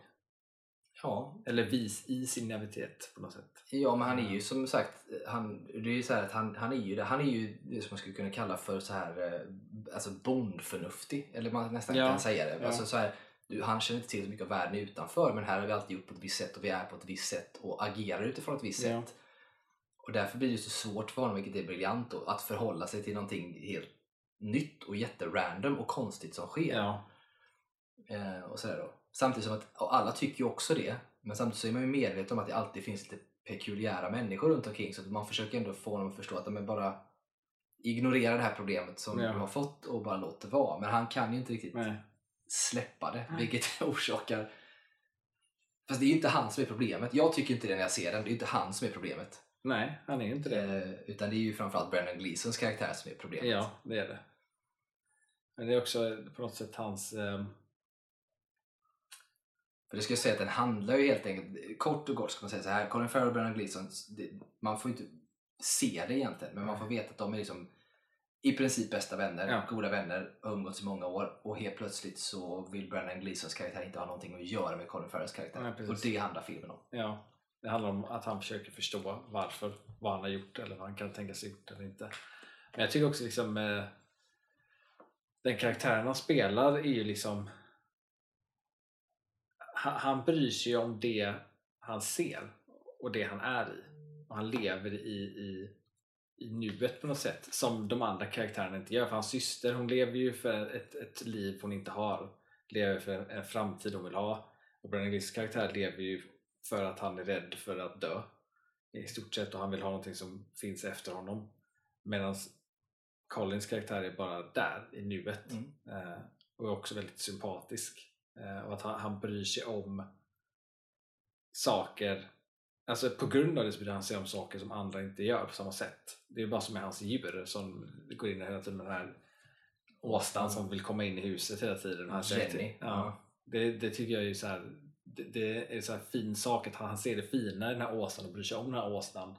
Och om den här åsnan är rädd för något som vill komma in i huset så får den komma in i huset. Medan systern är såhär, nej, åsnan ska inte vara här inne. Och han är såhär, men hon kan ju inte vara själv. Nej, precis så. Nej, men du sätter huvudet på spiken ska jag säga, för de här tre karaktärerna är ju, eh, de är ju dåtid, nutid, framtid Mm. kan man säga. Där Där systern då, som man påminner hon läser, det gör inte han. Alltså, så alla verkar ju tro att hon är den smarta, liksom. Eh, eller hon är den smarta kanske av dem. Men hon blickar hela tiden framåt till ett liv som hon drömmer om. Ja. Alltså hon har ju förstått genom att hon har läst mycket sånt att det finns annat. Hon, hon ser ju en, en framtid, hon vill inte vara där. Brennan Gleesons karaktär är ju tvärtom, som egentligen bara lever i en dåtid. Det förflutna har gått, han har gjort så mycket, eller snarare inte gjort så mycket. gjort något. Liksom. Så där är ju, alltså, och det här är lite spännande då, för systern är ju, Brennan Gleeson är ju om systern hade stannat kvar eh, Ja. på ön Ja. så hade hon blivit Brennan Gleeson om 30 år eller 20 år. Eh, vilket är spännande för det finns paralleller mellan de karaktärerna medan han då befinner sig i det här vara i nuet, bara vara och ha svårt att förstå vare sig drömmar eller den här ången över att Mm. inte ha förföljt sina drömmar till exempel. Eh, och där står ju han då mitt i det här liksom, och få hantera det. Ja. Sen så händer ju ganska mycket på en gång och vad som händer med en människa då. Men även, även efter när vändningen kommer, allt eh, som händer i det inte går hans väg utan Mm. tas bort från honom. Allt från hans bästa vän och syster och allt som sker så, så är han trots det kvar i nuet. Ja. Vilket är så spännande ändå för att det är fortfarande så här han är fortfarande sitt naiva lite oskyldiga jag men han har helt plötsligt lite mörkare tankar kanske kring saker och ting hur de ska lösas men han är fortfarande så mycket i nuet. Ja. Men det, alltså, det är ju verkligen att det är på något sätt att hans, hans ark i den där filmen blir på något sätt att, att, att så här, återacceptera vem han är. Mm. Eh, för att det slutar ju med att han till slut inser att, att han att, att, att bry sig mer än vad han annars br- brukar göra skapar problem liksom egentligen och, bara föder på mer problem. Så att Ja. genom att, att bara återgå till vem han, vem han alltid på något sätt varit. Ja, och man kan också ifrågasätta själva de- den biten i eftersom du då har den här som ångrar sig och har en despair som vill göra någonting innan, innan han dör med livet och en som då vill ta sig därifrån och se en framtid som är bättre än bara lilla ön Inner Sherin. Ehm, så har du ju då den här Colin-karaktären som man tycker ändå är fin och ganska naiv och lever i nuet men grejen med honom är att och det som sker, hans misstag han gör hela tiden beror ju på att han inte ser vare sig framtid eller dåtid. Han Mm. ser bara vad som är nu och kan liksom inte hantera det. Så att han lever nästan för mycket i sitt nu. Och det är det som blir så intressant att han kan, han kan inte ta sig ur nuet. Nej. Vilket är spännande. Han kan inte tänka konsekvenser längre fram. Han, han, han har inte förmågan till det. Han har inte Mm. heller förmågan att, att tänka, tänka bakåt mycket heller. Utan det är verkligen bara i nuet. Vilket är oerhört frustrerande på ett sätt. Men samtidigt så är det också skönt om fler hade kunnat vara så. Problemet är då när du har människor omkring dig som inte funkar så.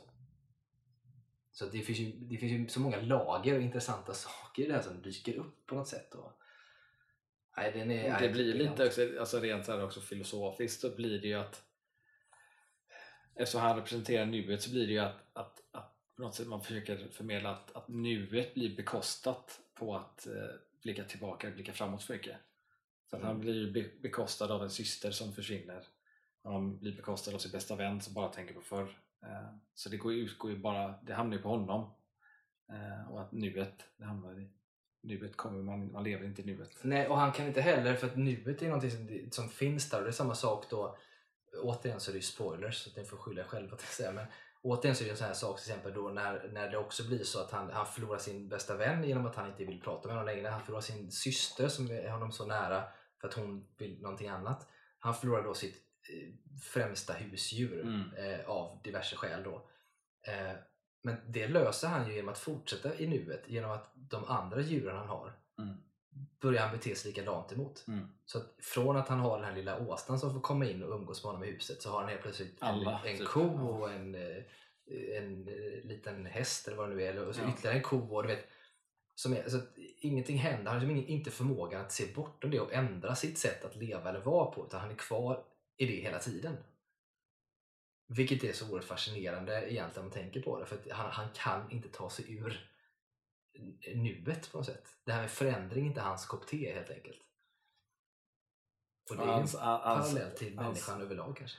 han, hans liksom oskyldighet i det hela. Det är som med eh, Brandon Gleesons roll där hans bästa vän där eh, med hans hund där. Att, att för honom är det ju en självklarhet att hunden ska inte råka ut för någonting överhuvudtaget. Så det är ju bara att se till att den hunden klarar sig. Liksom att, att det finns med. Han, han, bryr han bryr sig om saker som de andra inte bryr sig om lika mycket heller.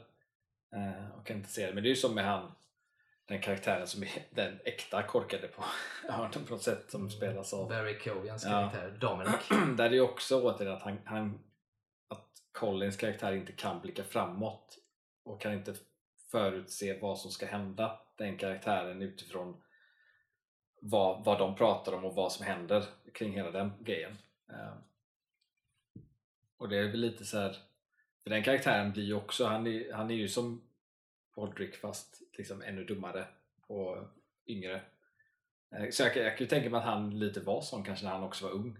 Eh, åt det hållet liksom. Så det är ju lite, det är lite som hans, hans eh, förflutna på något sätt. Som han, han, är inte, han är inte redo för att ta an det.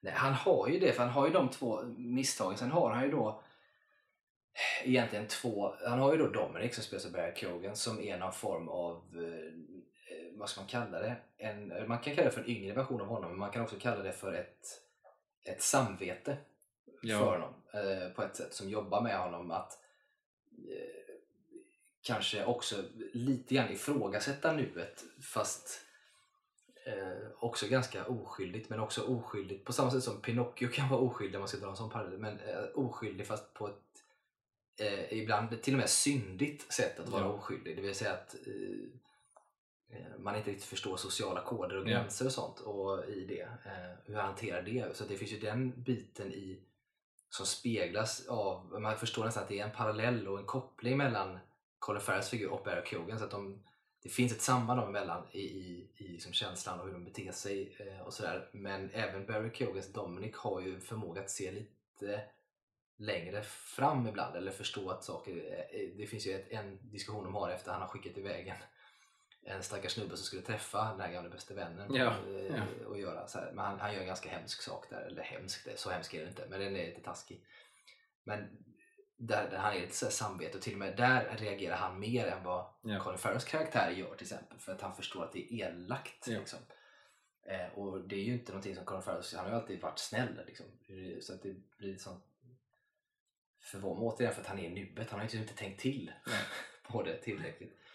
Eh, och sen har vi ju då den här eh, sy- symbolen för döden, eller vad man ska kalla det, den här gamla tanten. Tanten ja. ja. Eh, så går omkring där och är eh, någon form av Ghost of Christmas Past alltså varianten. Om, om Dominic kanske är här Ghost of eh, nu eller något liknande så har Ja. Ghost of Christmas Past. För att, som delvis siar om framtiden och som varnar och sådana saker. Då, va? Men eh, det- går ju hela tiden i temat med att han är lite dum Mm. och, och eh, sådär. Och det, det är han ju, men han får ju liksom eh, det är ju det som är grejen, för han får ju ändå lite hjälp från olika håll men han, han har fortfarande så svårt att bryta sig ur Mm.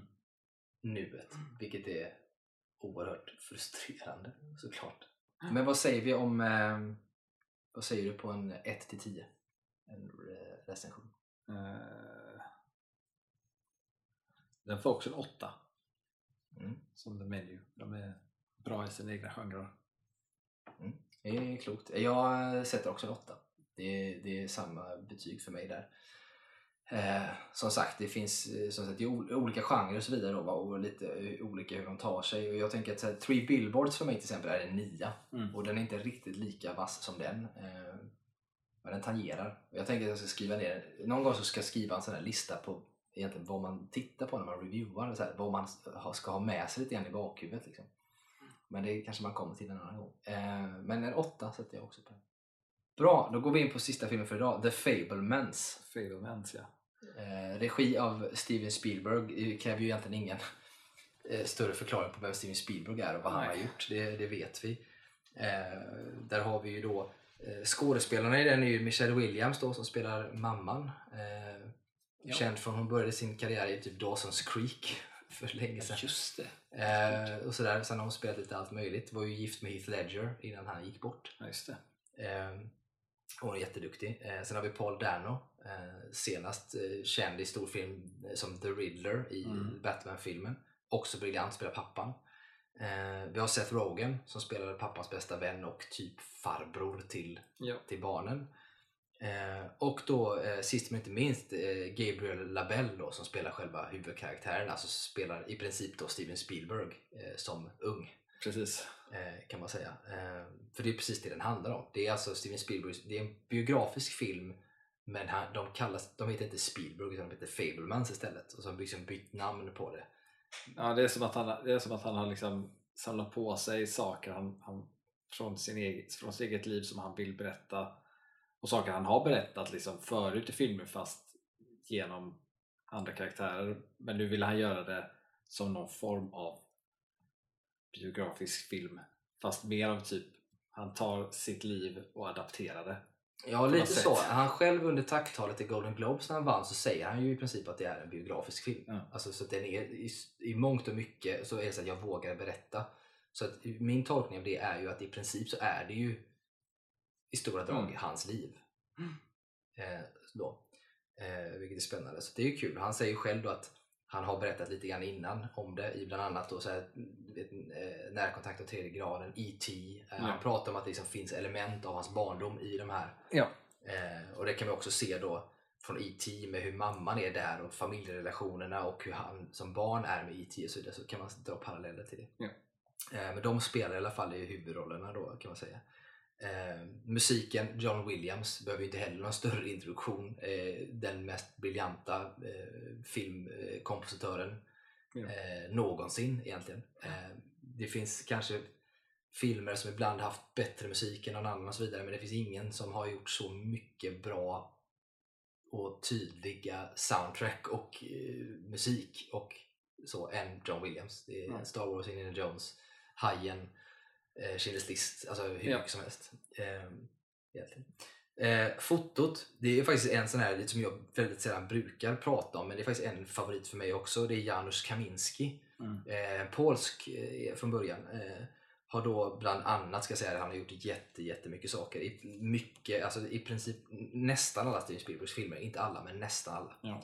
Eh, och han har gjort då bland annat Schindler's List, Jerry Maguire, Amistad, eh, Jurassic Park, The Lost World, Artificial Intelligence, eh, Minority Report, War of the Worlds, The Terminal, Catch Me If You Can, Indiana Jones 4, eh, Lincoln, Warhorse, The Post, Big Friendly Giant, eh, den senaste West Side Story och eh, bara för att nämna en liten kul grej också regisserat Lady Gagas musikvideo Alejandro. Eh, så att där har man, eh, det är mycket, det är bara en, li- en liten lista av många, många saker som, som Janusz Kaminski har, har eh, gjort. Eh, en av mina klara favoriter också. Och, och, och som jag tror mycket av, av sätter prägen på Spielbergs filmer. Ja, och, och får den här magin som vi kallar för Spielbergsk, men den är ju också mycket Kaminskiansk kan man säga. Ja. Egentligen. Men vad säger vi om den här filmen då? Vad tyckte du? Jag typ förvänta mig att, eh, att, jag, att, jag, alltså att jag skulle tycka att den var liksom okej. För att det, många av eh, Spielbergs filmer de senaste åren har jag, har jag tyckt typ varit okej. Alltså de har varit bra men det har inte varit någon sån här wow-filmer liksom. Um, men den här filmen tyckte jag om jäkligt mycket alltså. Jag tyckte att det var dels intressant att liksom se en regissör göra sin egna biografi. Liksom. Det är ju inte så vanligt. Um, och att, att det just är en film som också då handlar om film ehm, och filmskapande och liksom att, att liksom upptäcka kärleken till att göra film på något sätt och hantera det. Eh, jag älskar ju den typen av filmer. Liksom. Eh, så jag tyckte att den var jättebra. Och framförallt att den var väldigt liksom, känslosam. Eh, och känns som på något sätt att den, den känns på något sätt mer klassisk Spielberg. Mm. Eh, den känns mer E.T., den känns mer närkontakt. Det känns mer av hans tidiga kar- karaktär eller karriär på något sätt. Och, eh, jag, inte, jag tycker att den var jävligt bra. Jag hade kunnat eh, se typ en halvtimme mer av den filmen Mm. utan problem. Det är väl egentligen det enda, jag inte det är ett klagomål, jag kan förstå att den slutar där den gör, det är passande, men på ett sätt så känner jag ju att den, är, den slutar lite för tidigt. D- där det slutar vill man ju se ytterligare, man hade ju gärna velat se när han faktiskt blir Spielberg, alltså när han blir den biten. Och kanske Ja. till och med när han, när han lär känna de här typ George Lucas eh, karaktärerna. Ja, Alltså, så här, exakt. man har velat se mer in i den biten också. Ja. Eh, och det får man ju inte göra. Utan det slutar ju verkligen med typ första jobbet i, i en eh, liksom, eh, Hollywood-produktion, eller i en lott liksom. Här, som typ springpojke. Liksom. Mm. Det, där slutar det i princip. Eh, men på många sätt briljant. Och det som jag slås av när man tänker på att just att en av de bästa Spielberg-filmerna, för det är den här, vi pratade just om eh, Janusz Kaminski och det här sättet att filma och sånt. Och det tycker jag man gör så bra i det, för Janusz Kaminski säger ju själv att, att filmfoto är konst, konst av ljus och skugga. Ja. Eh, visuella metaforer och nyanser. Och det är precis det man ser i mycket av Spielbergs filmer. Ja. Och det ser man ju här också, mycket, mycket ljus och skuggor och det här med visuella eh, liksom metaforer och nyanser och sånt. Så Det, det är ju, tangerar ju väldigt mycket det Spielbergianska sättet att jobba med film. Ehm, Något jag uppskattar också på något sätt med så här, för ofta när det är biografier som görs om, om personer så, så är det ofta liksom handlar det väldigt mycket om så tragiska människor eller att de har haft ett tragiskt liv. Mm. Eh, men här är det liksom mer det är mer han har levt det livet han levt och blivit den han blivit. Och visst, det händer saker i hans familj som inte är lätt att hantera, speciellt inte för ett barn. Liksom. Men det är inte så att det liksom, de försöker gräva ner sig att så här, genom motivation till honom på grund av att typ, hans mamma var sån. Utan det är mer så här växte han upp. Och det här upptäckte han och det här var liksom hans liv och att han försöker liksom förmedla det. Och det tyckte jag var fint och det var på något sätt lite uppfriskande typ av biografi. Mm. Ja, men jag håller helt med. Och det är lite grann som om vi drar paralleller till då eh, three, alltså, som vi pratade om innan med Martin McDonald när man gör de här filmerna när man inte heller gräver ner sig i såren utan man Mm. bara liksom inte, jag ska inte säga att man slätar över det men man behöver inte lägga så mycket fokus på det. Och det är lite grann de gör här också och som Spielberg alltid gör bra. Att man förstår, man behöver inte gräva ner sig och få biopubliken att må superdåligt. Man förstår det ändå att det är jobbigt. Och det är det de gör bra här också, precis som du säger att man liksom, det är det som jag tycker skiljer och som gör riktigt jäkla bra filmer bra. Det är när det finns det här, det, kan vara tragiskt eller vad som helst men man, man behöver inte nämna det utan det övergripande blir så mycket större. Alltså lätt att, på ett sätt att göra film så får folk att må dåligt för det är bara att stanna vid en karaktär som mår dåligt och så utforskar man den jobbiga Ja, känslan och livet och vet, säger man att någon börjar knarka eller gå ner sig liksom. Och det där tycker jag är skillnaden på att det- riktigt bra och bra filmer. Det var också intressant på något sätt så att det är lite som att han har gjort en film nu så om man tittar på den filmen så liksom, det är som att han ger en handbok eh, till publiken i att förstå filmerna han gjort på något sätt. Vilket är intressant. Och liksom se varför han, var, varför han gör den typen av filmer han gör Mm, mm. och vad han dras till. Det liksom får vi typ svar till i hans liksom, biografiska film på något sätt. Mm. Uh, sen tror jag att det var, det var smart att liksom välja eh, liksom namn och liksom andra på det sättet. På något, för då tror jag det var nog enklare för honom att liksom ha lite distans till det. Eh, Ja, det är enklare att distans och det är också, jag tänker att det är också enklare att då förhålla sig till för nu är ju inte hans föräldrar levande. Alltså, han är ju själv är han, 78 någonting, han är ju gammal. Ja.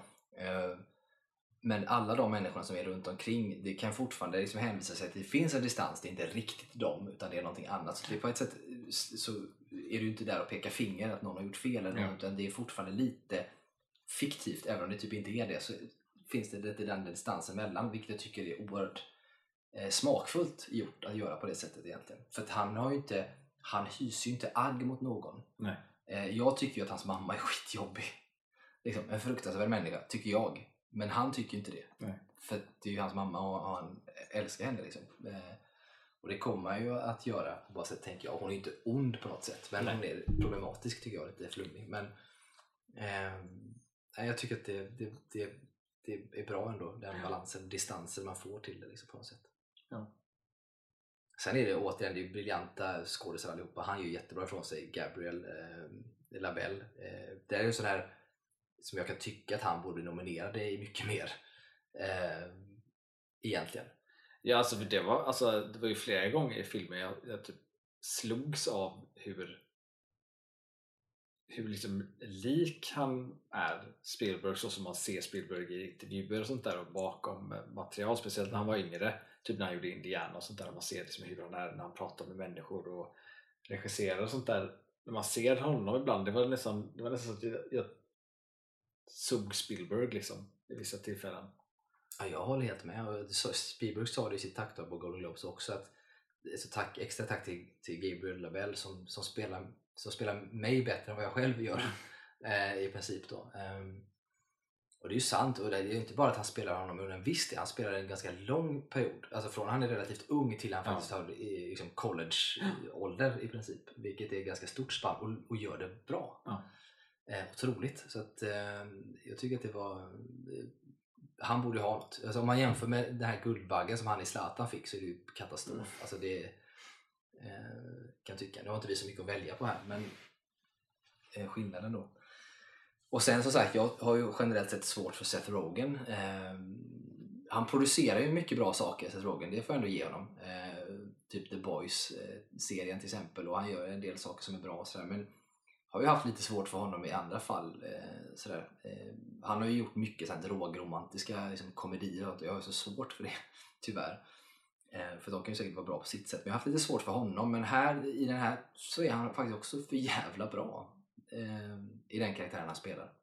Och det är ju också för att han är välkastad till den. Passar Ja. utmärkt till den rollen han, han spelar. Och man kan ändå eh, liksom både tycka synd om honom och förstå honom. Ja.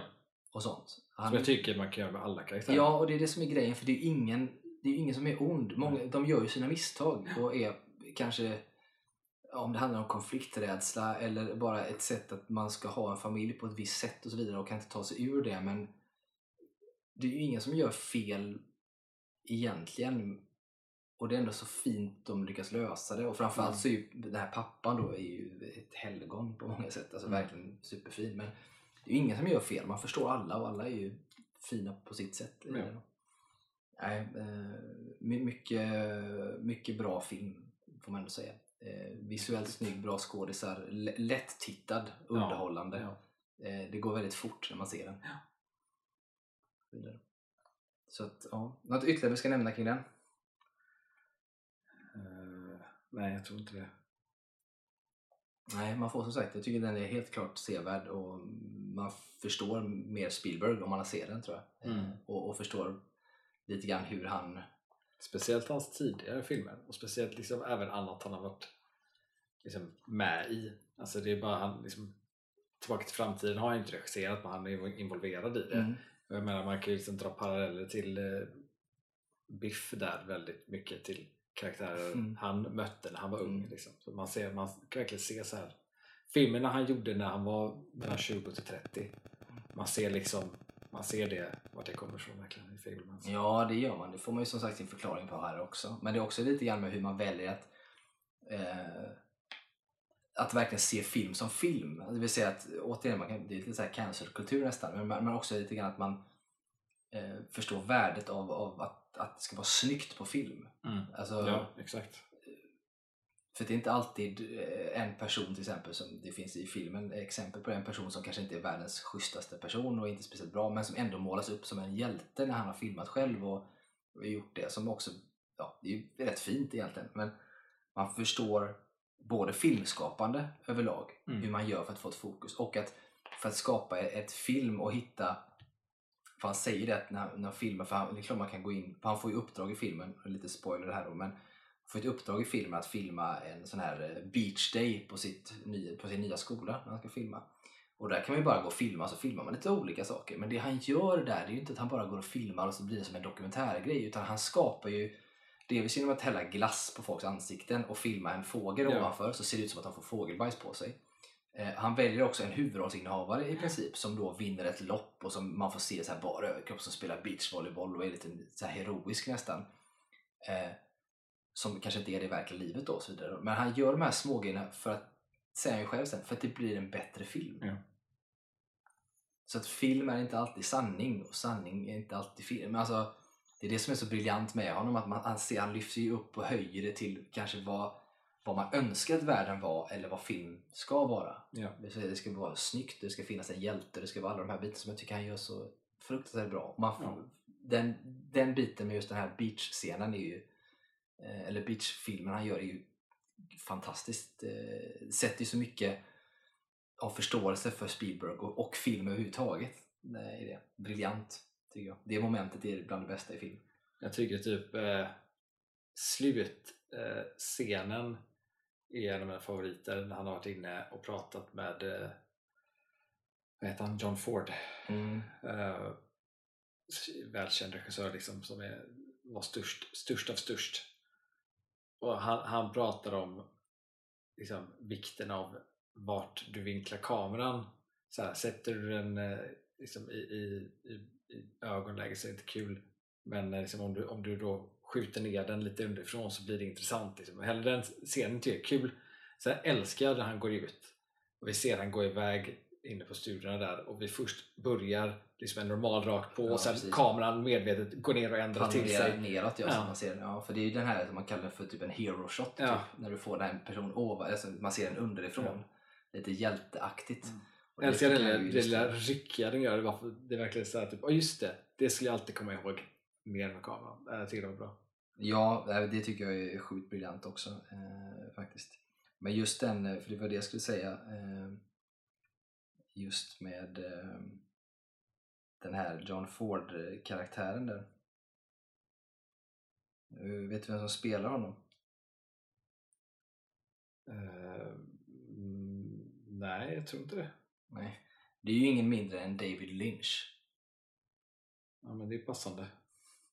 Alltså den kända regissören David Lynch, för er som inte vet, men alltså, han spelar alltså John Ford eh, i detta. Jag tänkte inte på att det var han. Nej, det gör man Faktiskt, inte. men Inte när jag du, heller. När, du säger namnet så ser jag honom direkt. Liksom. Ja, jag med. Jag tänkte inte heller på det förrän jag var, just gjorde research inför det här avsnittet och jag var inne och läste och så slogs jag av att Fan, David Lynch, var han med? Och sen så Mm. fick jag alltså att det är han som spelar John Ford, vilket är lite coolt. Ja. För John, eh, alltså, David Lynch är ju ja, en, är också en av våra Ja, ja. största liksom, regissörer genom tiderna.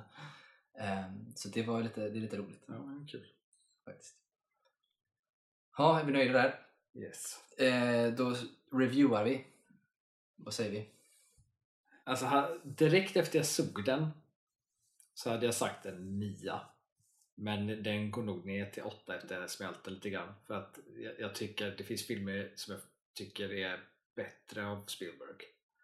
Eh, så den går ner till åtta.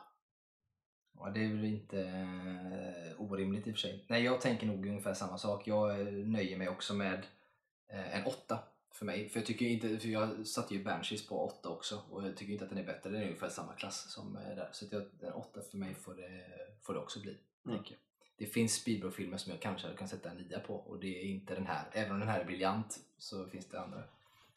Jag tror att min, alltså det finns ju många bra Steven Spielberg-filmer som har sina grejer men jag tycker fortfarande att om jag ska säga, om jag ska avslöja kanske min favorit Steven Spielberg och det är nödvändigtvis kanske inte den filmen jag helst skulle alltid se om, nästan i och för sig. Men det är ju, alltså, min film är Jaws till Hajen. Det, det är nog en film, den skulle jag kunna sätta en nia på. Eventuellt kanske en tia. För jag tycker nästan det är typ en perfekt film. Eh, på många sätt. Men men, jag sätter en åtta på den här i alla fall. Han har gjort många bra som ligger i dem eh, där uppe. Bra, då går vi in på eh, vårt eh, lekmoment då. Öde ö, fredagsmys eller skräp.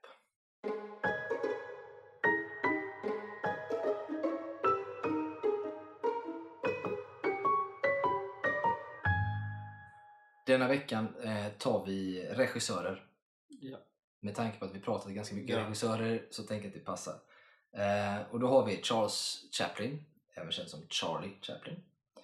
Vi har Ang Lee och vi har ingen mindre än David Lynch. Det var nog en av de svåraste jag har tänkt. faktiskt. ja, nej, det är inte lätt. Men jag kan, jag kan börja. ja. Ehm, tycker också att det är svårt i och för sig. Men jag kan börja bara så här. Och det här kommer ju bli... Nu ska jag säga att det var länge sedan jag såg tror jag, någon av de här som gjort film. Ehm, faktiskt. Ang Lee har ju gjort eh, en del så här kinesiska grejer också som man inte riktigt känner. Alltså som kanske... De slog ju här i och för sig. Ehm, ja, det gjorde de ju. Eh, Men han har också gjort annat som man inte känner till. Men han har också gjort saker som, jag tror att han har gjort eh, Han har gjort något sånt där engelskt kostymdrama, jag kommer inte ihåg vilket det är. Skitsamma, men han har gjort någonting i alla fall. Eh, om det kan vara typ återstoden av dagen, kan det vara det? Eller tänker jag på det bara för att det är en japan som skrivit den. Alltså det är Ishiguro som skrivit Återstoden av dagen. Eh, och då tänker jag att det kanske är därför jag blandar ihop med att Ang Lee skulle ha gjort, nu är inte han japan, men att han skulle ha gjort det. Men jag vet inte, jag har för mig att han har gjort något sånt i alla fall. Eh, men jag skulle säga, jag gör så här då. Eh, en öde ö, om man ska ha med mig någon, då tänker jag att då vill man ha med sig någon som eh, nu tänker jag inte på något fysiskt, nu tänker jag snarare bara ha med sig till en öde ö för att det kan vara intressant i regi- regivärld och diskutera med Mm. regissörer. Eh, och i det fallet så tror jag nog att jag fasen skulle ta med mig Charlie Chaplin tror jag. Till öde ö. Det är mest för att han har gjort, vet du, vad så här, du vet, det är Modern Times och det är alla de här diktatorn han gör och sånt. Vilket är, det är en, det är en intressant tid han lever upp i och är en av pionjärerna inom film Mm. överhuvudtaget. Jag tänkte det var intressant att höra hans tankar. Vi kan diskutera ganska mycket kring vart film är på väg, kanske lite sådana här bitar. Ehm, så där får jag nog säga så. Eh, sen är det då det här eh, fredagsmys. Det är hemskt, alltså det, är ju, usch, det, är- det gör ju ont i mig att tänka så här. Men jag tänker med fredagsmys, det är, det är lite mer kanske lite mer lättsamt. Jag älskar dessutom kampsport. Liksom. Eh, och kan tänka mig att det liksom kan vara kul att ha som fredagsmys och bara titta på det så här. Och då blir det ju att jag får ta Ang Lee som fredagsmys Mm. och ha den biten. Eh, vilket är jättehemskt att säga att jag skräpar ner och slänger alltså David Lynch. Mm. Vilket är fruktansvärt för han har gjort en del av mina favoritfilmer. Men så får jag göra tror jag. Så gör jag. Hemskt. Fruktansvärt hemskt, men så får jag göra. Hur, hur Ja, gör alltså du? jag tror, jag kommer nog fram till eh, i stort sett exakt samma fast eh, för jag tänker också så att på en öde ö med Chaplin att man kan liksom snacka eh, främst så här få lära mig Mm. om den tid han levde i och filmerna han gjorde. Liksom, eh, men det skulle man liksom lika väl kunna göra med David Lynch, bara att David Lynch känns lite för svår. Ja, det är det som är grejen. Att han kanske, man, då har risk att man antingen hade mördat honom Ja, exakt, öde, eller ja. tagit livet av sig själv. Ja. Och fredagsmys känns ju inte så trevligt. Det blir lite för Nej. svårmodigt på något sätt. Så det blir, för det blir liksom, li- samma sak för mig, att han, han hamnar bort bara för att han inte passar in i. Det blir som Chaplin på öde för mig och så blir det också Ang Lee som fredagsmys. Alltså, mycket på grund av att jag också gillar kampsportsfilmerna men också där eh, jag gillar ändå hans tolkning av Hulkan han gjorde. Jag tyckte ändå att den... Jag, ändå tycker inte att den är bra. så dålig alls Nej, faktiskt. ehm, så det blir, det blir fredagsmys med Ang Lee och så blir det skräp med David Lynch. Ja, stackarn. Inte så konstigt. Nej. Kanske när man tänker efter, men det är så får det vara. Stackarn, med de eh, orden så tackar vi för denna gång helt enkelt. Så hörs vi igen eh, nästa vecka. Tack för nu. Ha det bra!